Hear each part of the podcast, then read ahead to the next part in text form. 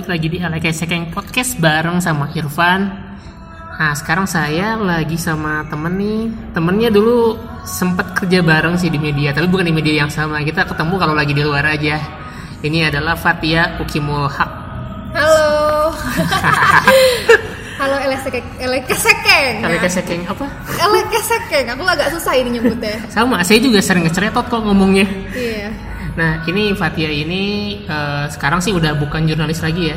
Iya, bisa jadi ya bukan bukan. Bukan, tapi dulu jurnalis di Ayo Bandung. Ya ayobandung.com. Nah, ini tuh sebenarnya sempat kesal juga sama Fatia. Nah, kenapa? Karena ketika dulu saya di Yor Bandung, orang-orang sering menyangka saya dari Ayo Bandung. Oh, ketika iya, menyebut dari Yor Bandung, ah Ayo Bandung. ya, kita mirip-mirip sih namanya. Walaupun sebenarnya beda juga, beda jauh gitu kan. Iya, betul sekali. Ya, cuman kalau Fatia itu dulu waktu kerja di media eh, banyaknya eh, ngeliput lifestyle atau ngeliput yang lain juga. Eh, hampir rata sih, tapi lifestyle tuh emang punya porsi lebih lama, Ah, kayak oke. hampir 8 bulan, tapi sisanya tuh benar-benar ke pemerintahan kayak Ah, gitu. di sana berapa lama? Satu setengah tahun, dikit banget lah. Ya lumayan lah, lumayan buat pera- buat apa buat pengalaman. Iya. Nah, kebetulan kalau saya mah eh, pegangnya bener-bener lifestyle Lifestyle, wisata ya. karena memang si medianya sendiri, si Yor Bandung sendiri itu medianya media wisata dan lifestyle. Jadi nggak nggak ngurus-ngurus yang lain. Jadi ketemu Fatia di eh, cafe, di hotel, di restoran yang kayak kayak gitulah. Sebenarnya saya tertarik eh, ngajak Fatia ngobrol di podcast saya ini sih karena ngelihat Fatia teh sering seneng banget jalan-jalan. Semuanya juga suka kayak iya, jalan-jalan. saya juga suka jalan-jalan, tapi banyak ha- banyak tempat-tempat yang menarik sih. Terus juga sempat sih kayaknya tahun lalu ya, tahun lalu Fatia ini eh, sempat jalan-jalan ke Turki Iya bener banget alhamdulillah. dan itu gratis. Enggak enggak sepenuhnya gratis kok itu itu Jadi masih tetap eh, jadi gimana ya? Jadi awalnya tuh sebenarnya tuh aku nggak pernah nyangka ya bisa ke Iya. Turki secepat itu. Menurut aku kayaknya orang-orang juga pasti pengen ke Turki lah Iya. ya. Apalagi ke Cappadocia, tapi nggak pernah punya mimpi tuh kayak secepat itu dan aku bakal ke Turki. Jadi aku tuh kalau misalnya mau jalan-jalan tuh pasti aku planning gitu loh hampir setahun. Jadi nabung lah, kerjalah kayak gimana dan riset dan lain-lain.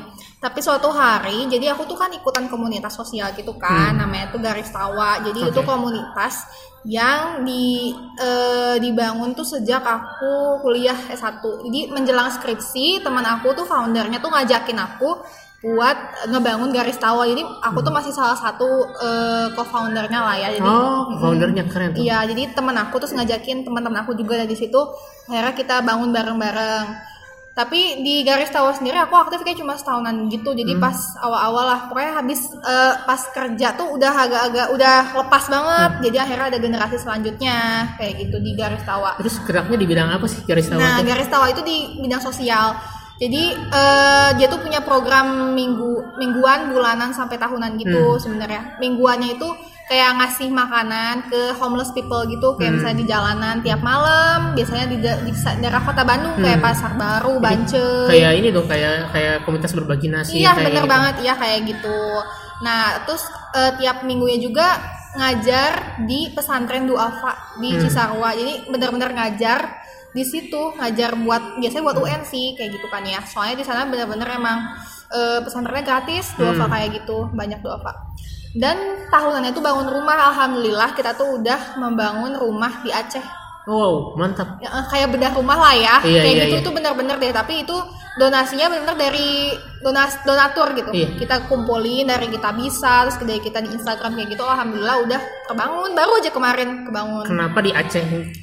itu sebenarnya eh aku juga kurang tahu sih kenapa foundernya ini founder aku ketua ya foundernya itu emang kerjasama sama Langit Rumo gitu jadi komunitas sosial gitu Hmm. di Aceh kayak gitu ya sta- karena founder aku juga banyak banget ya linknya dan aku juga dan aku juga nggak terlalu berkecimpung banyak tuh itu di Iya. program itu sih kayak gitu Oh gitu.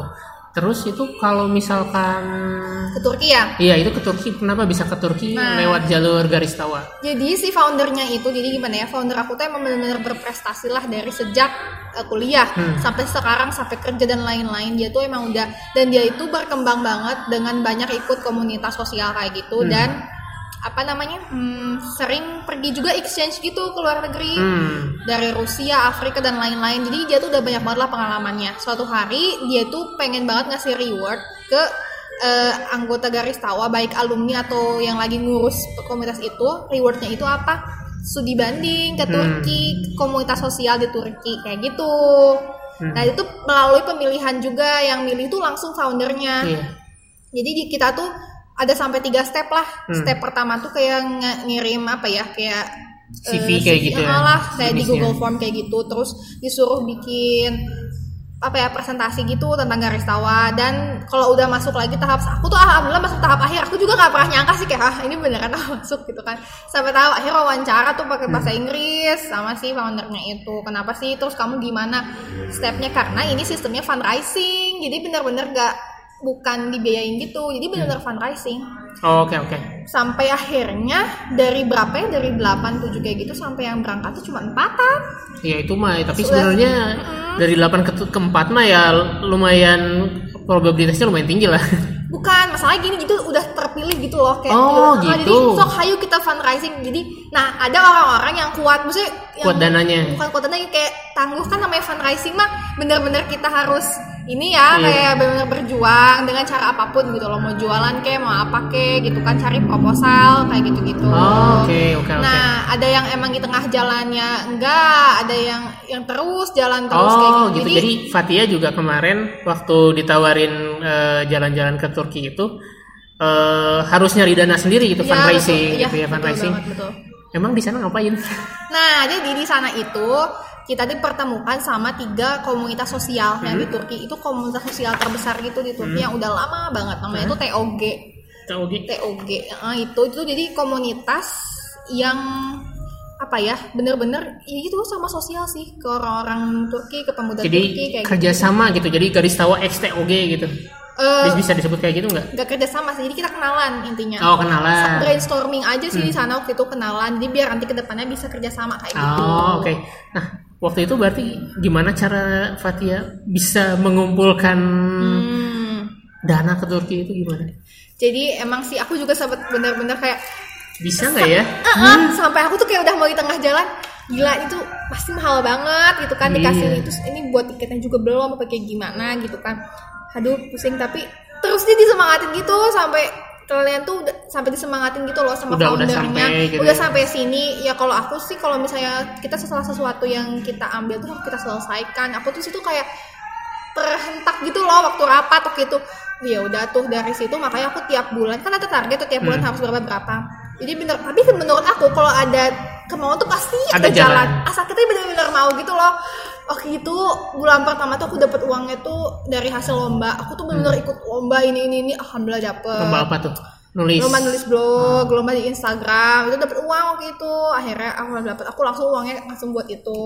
Terus waktu itu jualan, soalnya jualan susu kurma tuh awal dari situ loh. Oh gitu. Heeh, kata si foundernya, kamu mau mau apa? Stepnya kan harus bener-bener real ya. kayak Iya benar. Jadi gitu. harus ada step-stepnya buat sampai ke titik itu tuh gimana gitu. Hmm, sampai akhirnya "Wah, kayaknya aku mau jualan susu kurma deh. Oh ya udah akhirnya dari jualan susu kurma juga alhamdulillah gitu aku bisa dari situ. Dari situ banyaknya dari situ. eh enggak juga sih kayaknya iya enggak sampai setengah sih tapi lumayan aja Hmm. menurut aku sampai tapi ada juga dari gaji aku kayak Hmm. gitu jadi bener-bener aku tuh kerjanya apa ya namanya nge freelance gitu Iya, dari iya, sambil ya, gitu ya. Hmm, sambil gitu kan jadi dapat dari situ dari situ ya udah sih alhamdulillah ya meskipun ada bantuan juga lah ya dari garis tawanya Hmm. buat misalnya dana di sana atau gimana meskipun ya alhamdulillah menurut aku segitu kita akhirnya bisa berangkat Oke tadi kan bilang juga eh, buat nyari dananya sampai jualan susu kurma, terus juga nyari sponsor juga gitu.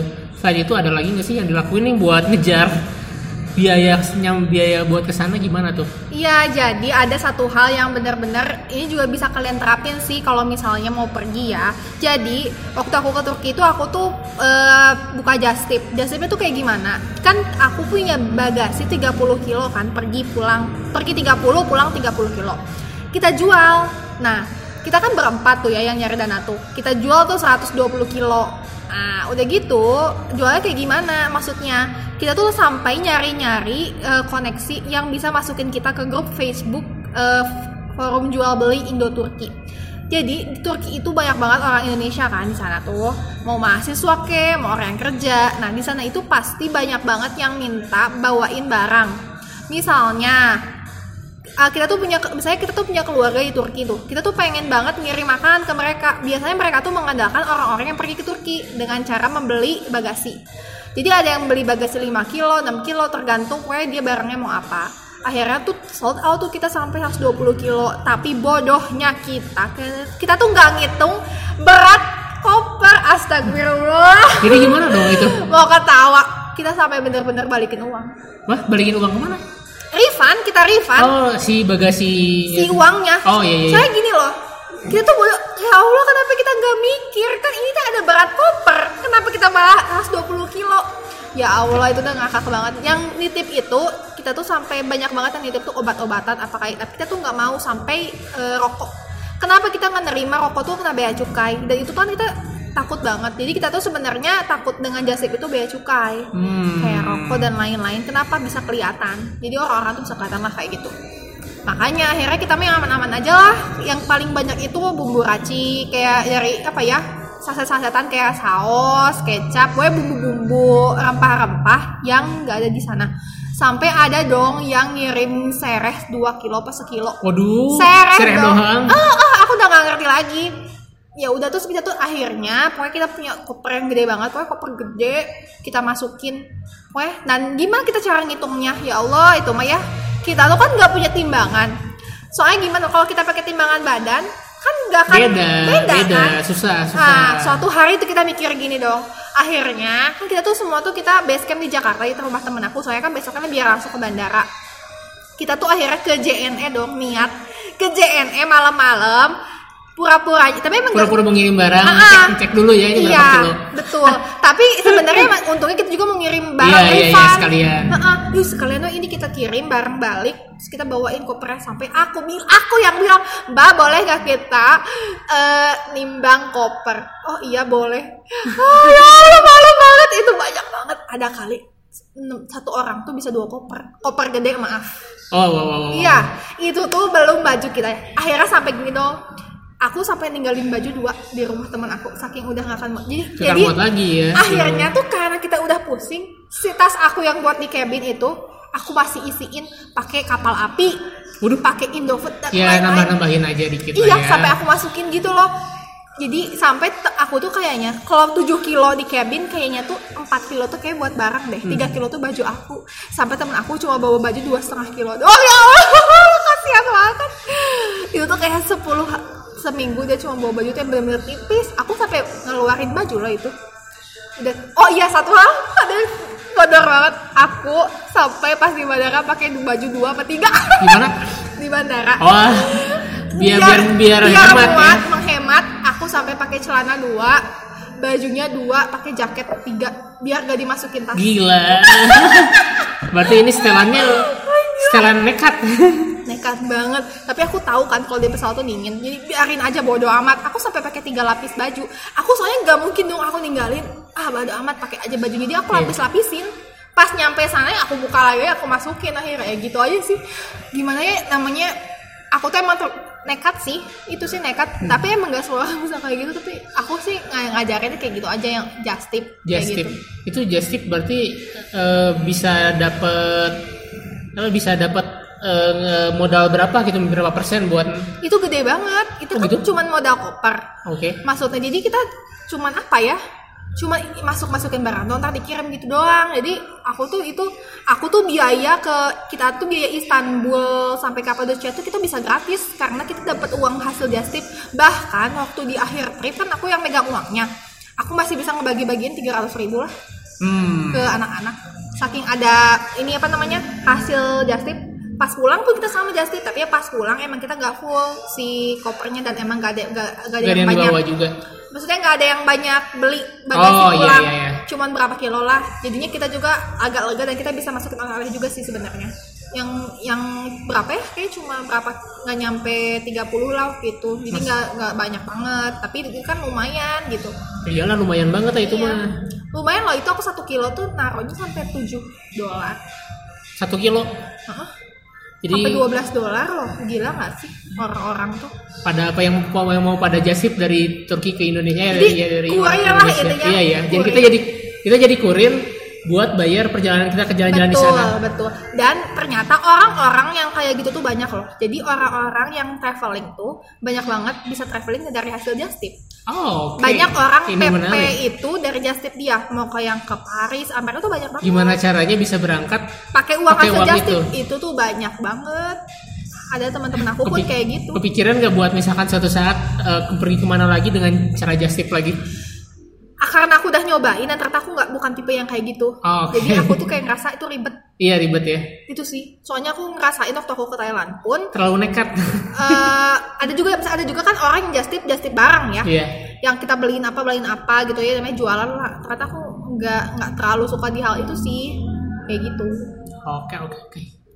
Tipsnya bagus tapi ya. Jadi mungkin kalau ada yang mau nyoba ya silakan nyoba. Tapi kalau misalkan yang kayak Fatia nggak mau ribet ya mungkin bisa dihindari. tapi aku bakal lakuin itu kalau misalnya ada kayak gitu lagi sih aku nggak apa-apa asal bareng-bareng sih sama teman Iya asal bareng-bareng karena kalau misalkan sendiri itu stres kalau kayak iya gitu loh. bener Itu sampai ya ke JNE lah ya kayak kayak gitu itu kalau misalkan sendiri jadinya stres. Tapi kalau misalkan sama teman-teman jadinya sesuatu lucu yang untuk diceritakan kemudian hari. hmm, bener Alhamdulillah terus di sana ngapain aja?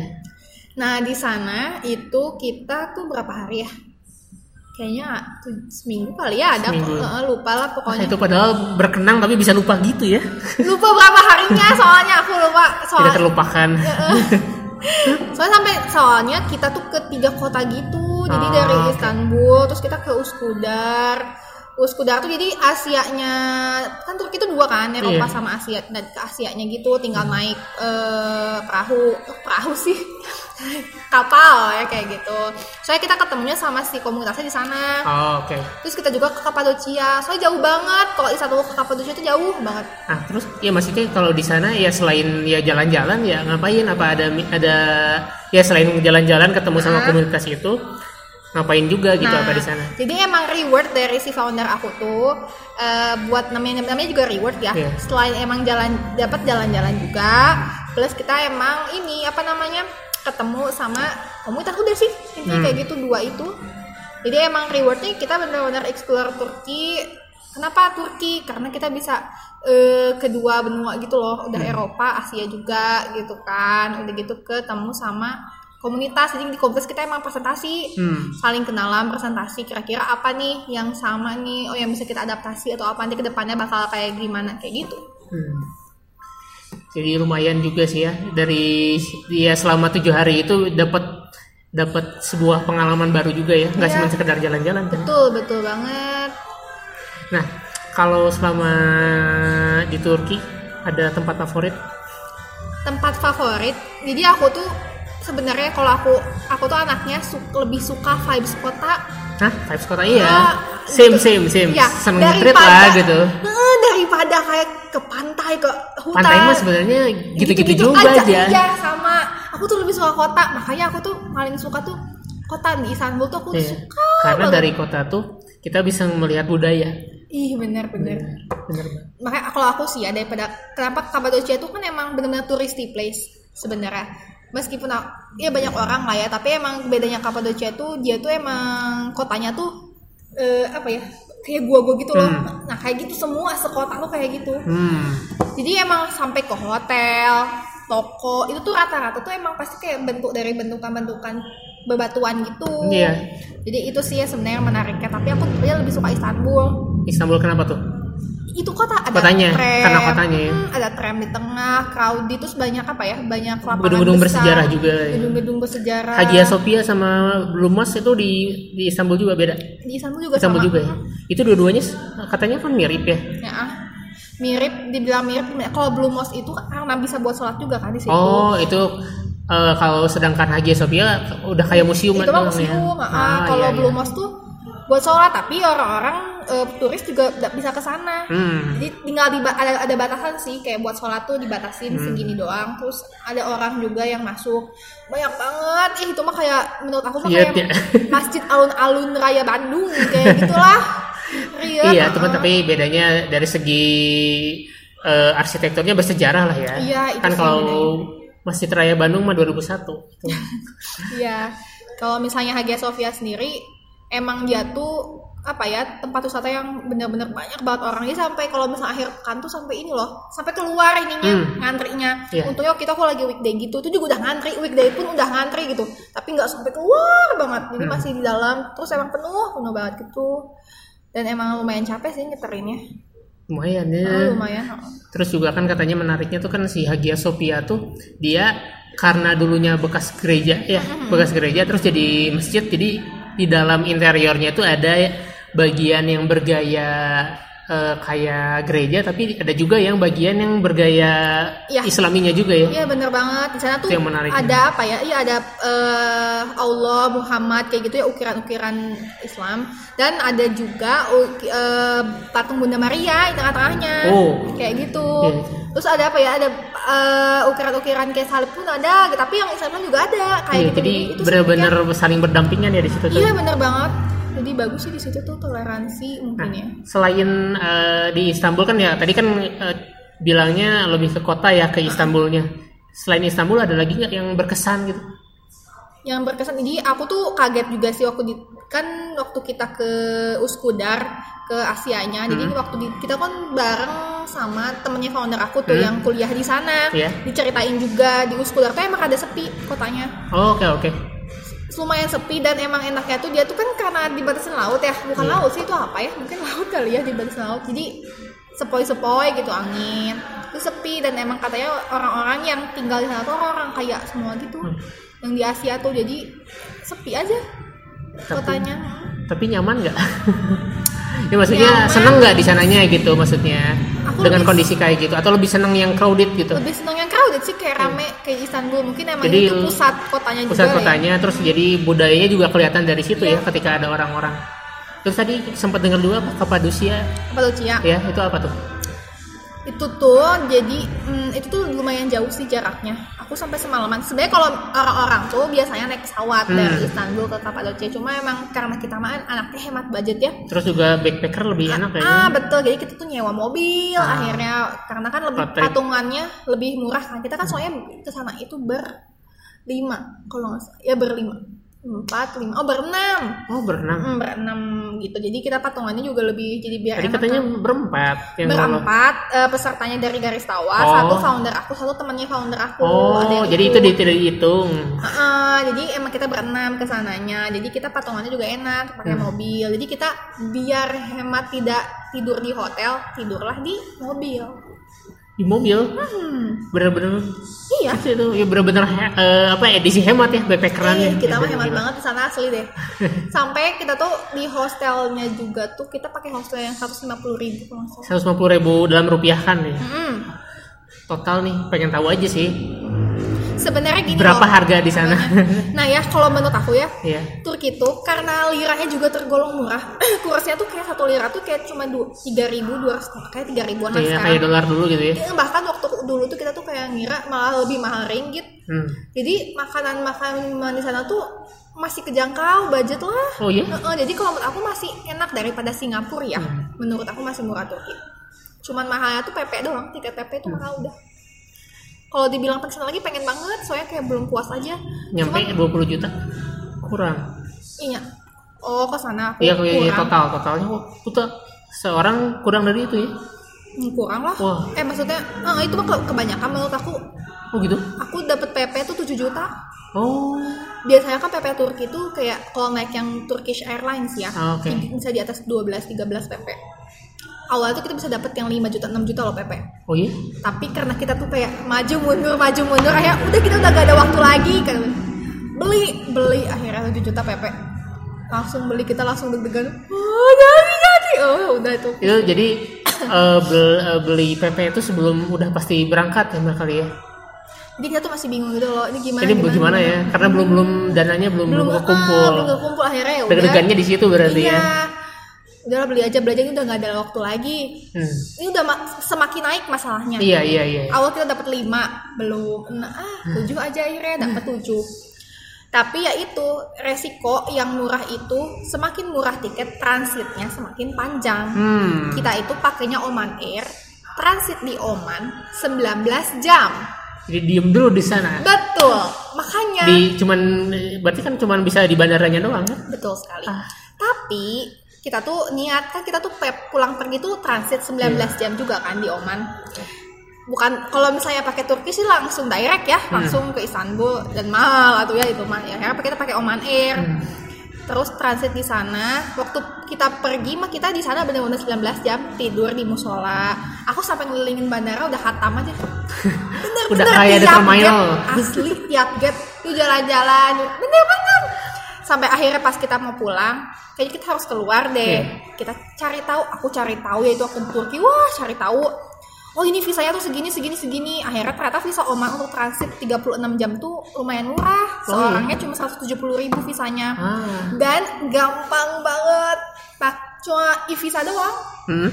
jadi apply Turki juga gampang visanya lo nggak ribet. Pokoknya apply visa Turki visa Oman itu ternyata gampang.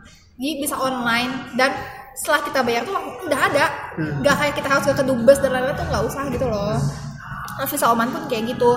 Tapi kalau Oman tuh emang rada mahal kalau kita udah tujuh hari sih itu emang lumayan mahal sampai 600 ribu kalau aku lihat. Tapi kita mah karena cuma 30 berapa jam doang kayak dia ada visa transit gitu ada bacaannya.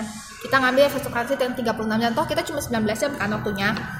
Itu cuma 170 ribu kurang. Waduh. asli seorang. Terus ya udah akhirnya aku yang pesen kan. Iya. Sok semuanya kan harus disiapinnya kan foto paspor sama close up kan Iya. ya udah kita fotonya di taksi malah foto close upnya pas kita perjalanan ke Kapadocia Saya selfie dong. emang udah kayak ayo ayo, ayo udah weh satu, satu orang satu orang di taksi kita keluar taksi beres jadi visanya terus udah ada email ini visa anda Ya. Ya, ini bisa jalan-jalan di Iya. Oman. Di Oman nemu apa nih? di Oman tuh ternyata ya hal yang paling aku apa ya lihat gitu oh ini tuh ya apa ya ini apa ya kayak ke, ah, ke timur timuran tuh memang bener ada gitu loh Ah, iya iya. terus gersang gersang abis Iya kan timur masuknya timur tengah kan Oman tuh.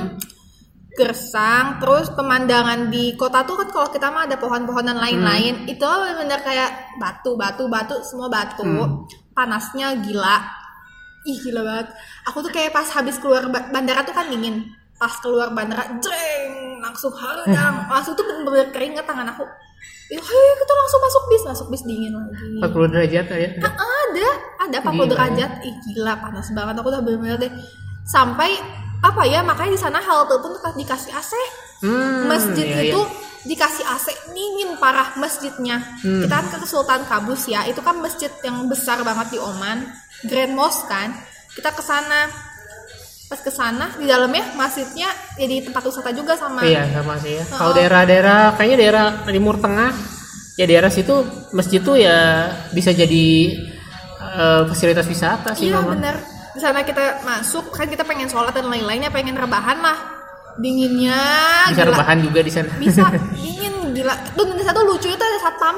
Hmm. tiap apa ya tiap pintu ada satpam. Udah gitu karena saking besarnya lebih besar dari pusdai lah pokoknya. Oh, besar banget ah halaman juga kayak berhektar-hektar soalnya banyak kebun gitu itu sih yang pengalaman menarik Nah terus kalau misalkan kayaknya selain ke Turki pernah juga kan ke jalan-jalan ke negara lain juga. nah pernah Pernah ke mana aja?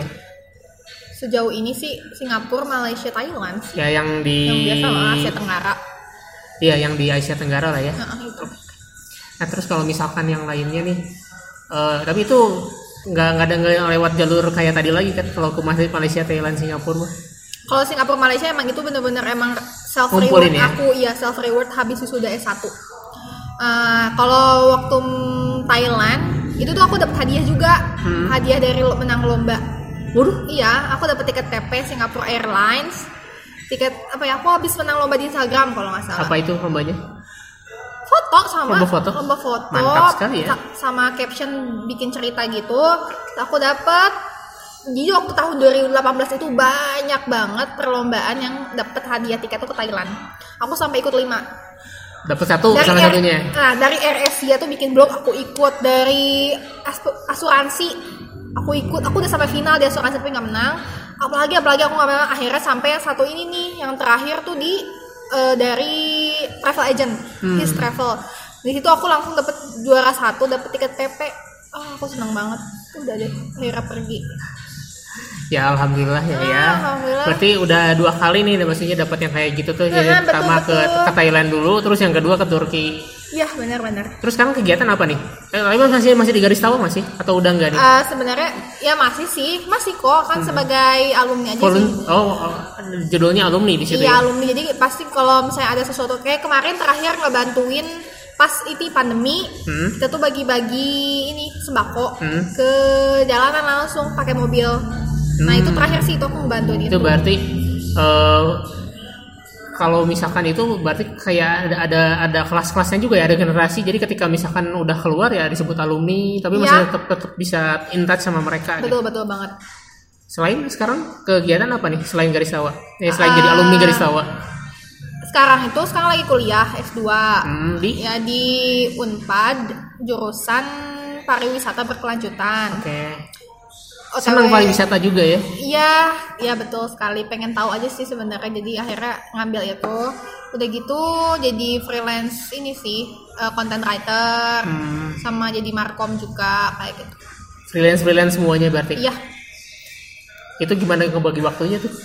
Eh, emang sih waktu awalnya agak kewalahan sih, tapi karena namanya Udah biasa ya. Heeh, jadi tapi aku harus bisa juga sih soalnya kalau menurut aku yang kayak gitu tuh bisa meningkatkan apa ya? Eh kapasitas juga. Jadi Kapasitas jangan diri ya. Heeh, jangan di situ-situ aja akhirnya aku mencoba menantang diri aja udah ambil. Aku bagi waktu aja akhirnya jadi bener-bener kayak orang kerja aja habis selesai mandi dan lain aku langsung depan laptop ngerjain selesai Jangan nanti kerjain Heeh, akhirnya sampai sore udah selesai ya udah akhirnya aku bisa rebahan di rumah kayak gitu sih. Ya lumayan nih aktivitasnya keren juga. Tapi katanya eh, sempet eh, kerja di IO juga ya. Sebenarnya kalau itu bukan kerja sih sama freelance Sama juga freelance juga ya. Heeh, Tapi ngaruh nggak sih pandemi kayak gini? ngaruh banget lah Pasti ngaruh ya. pasti ngaruh jadi ya udah berhenti lah Jadi berhenti semua nggak nggak diarahin arahin ke online gitu. enggak sih kayaknya heeh. enggak sih itu aku juga nggak tahu sih soalnya itu kayak aku juga cuma baru dapat dua kalian lah sama dua Hmm, kali tiga oke. kali Ya, ini lumayan keren juga sih ya. Nah ini kira-kira dari Fatia sendiri ada tips nggak nih buat eh, teman-teman pendengar Elekasek yang semua di sini yang mau jalan-jalan nih, ya seperti Fatia lah. Apa sih kiat-kiatnya nih? Yang pengen traveling tapi terkendala budget? Eh, apa sih yang harus dilakukan? sebenarnya gini sih menurut aku ya ketika apa ya kalau misalnya ketika benar-benar kita ada kemauan ya pasti ada aja jalan. Itu tuh aku udah kayak percaya aja lah sama kata-kata itu. Soalnya aku udah ngebuktiin gitu. Kayak Allah tuh pasti ngasih aja jalan nggak tahu dari mana.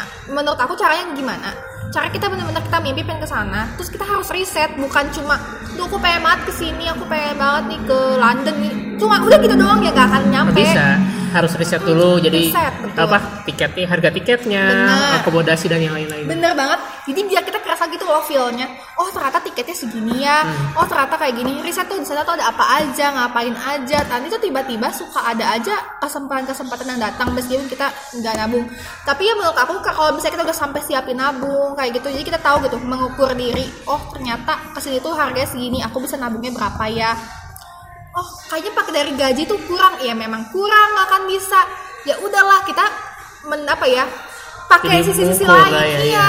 kayak aku aku juga waktu itu pernah ngelakuin jualan aku ngambil kerjaan di balik itu banyak dan lain-lain gitu sih Impian yang belum tercapai apa nih? Oh, ini aku tuh kayak punya impian baru gitu sih. Cita-cita aku tuh aku pengen jadi pengen nulis, pengen nulis jadi penulis buku. Buku. Bukunya buku apa nih? Fiksi, Buku- non fiksi atau non fiksi, jadi buku perjalanan aku gitu loh dari awal. Aku pergi ke mana aja, aku pengen ceritain sebenarnya. Itu tuh cita-cita baru aku baru sebulan ini. Tapi Apa-apa. iya, terus sebenarnya cita-cita dari waktu itu tuh aku pengen banget ke Myanmar, naik balon udara.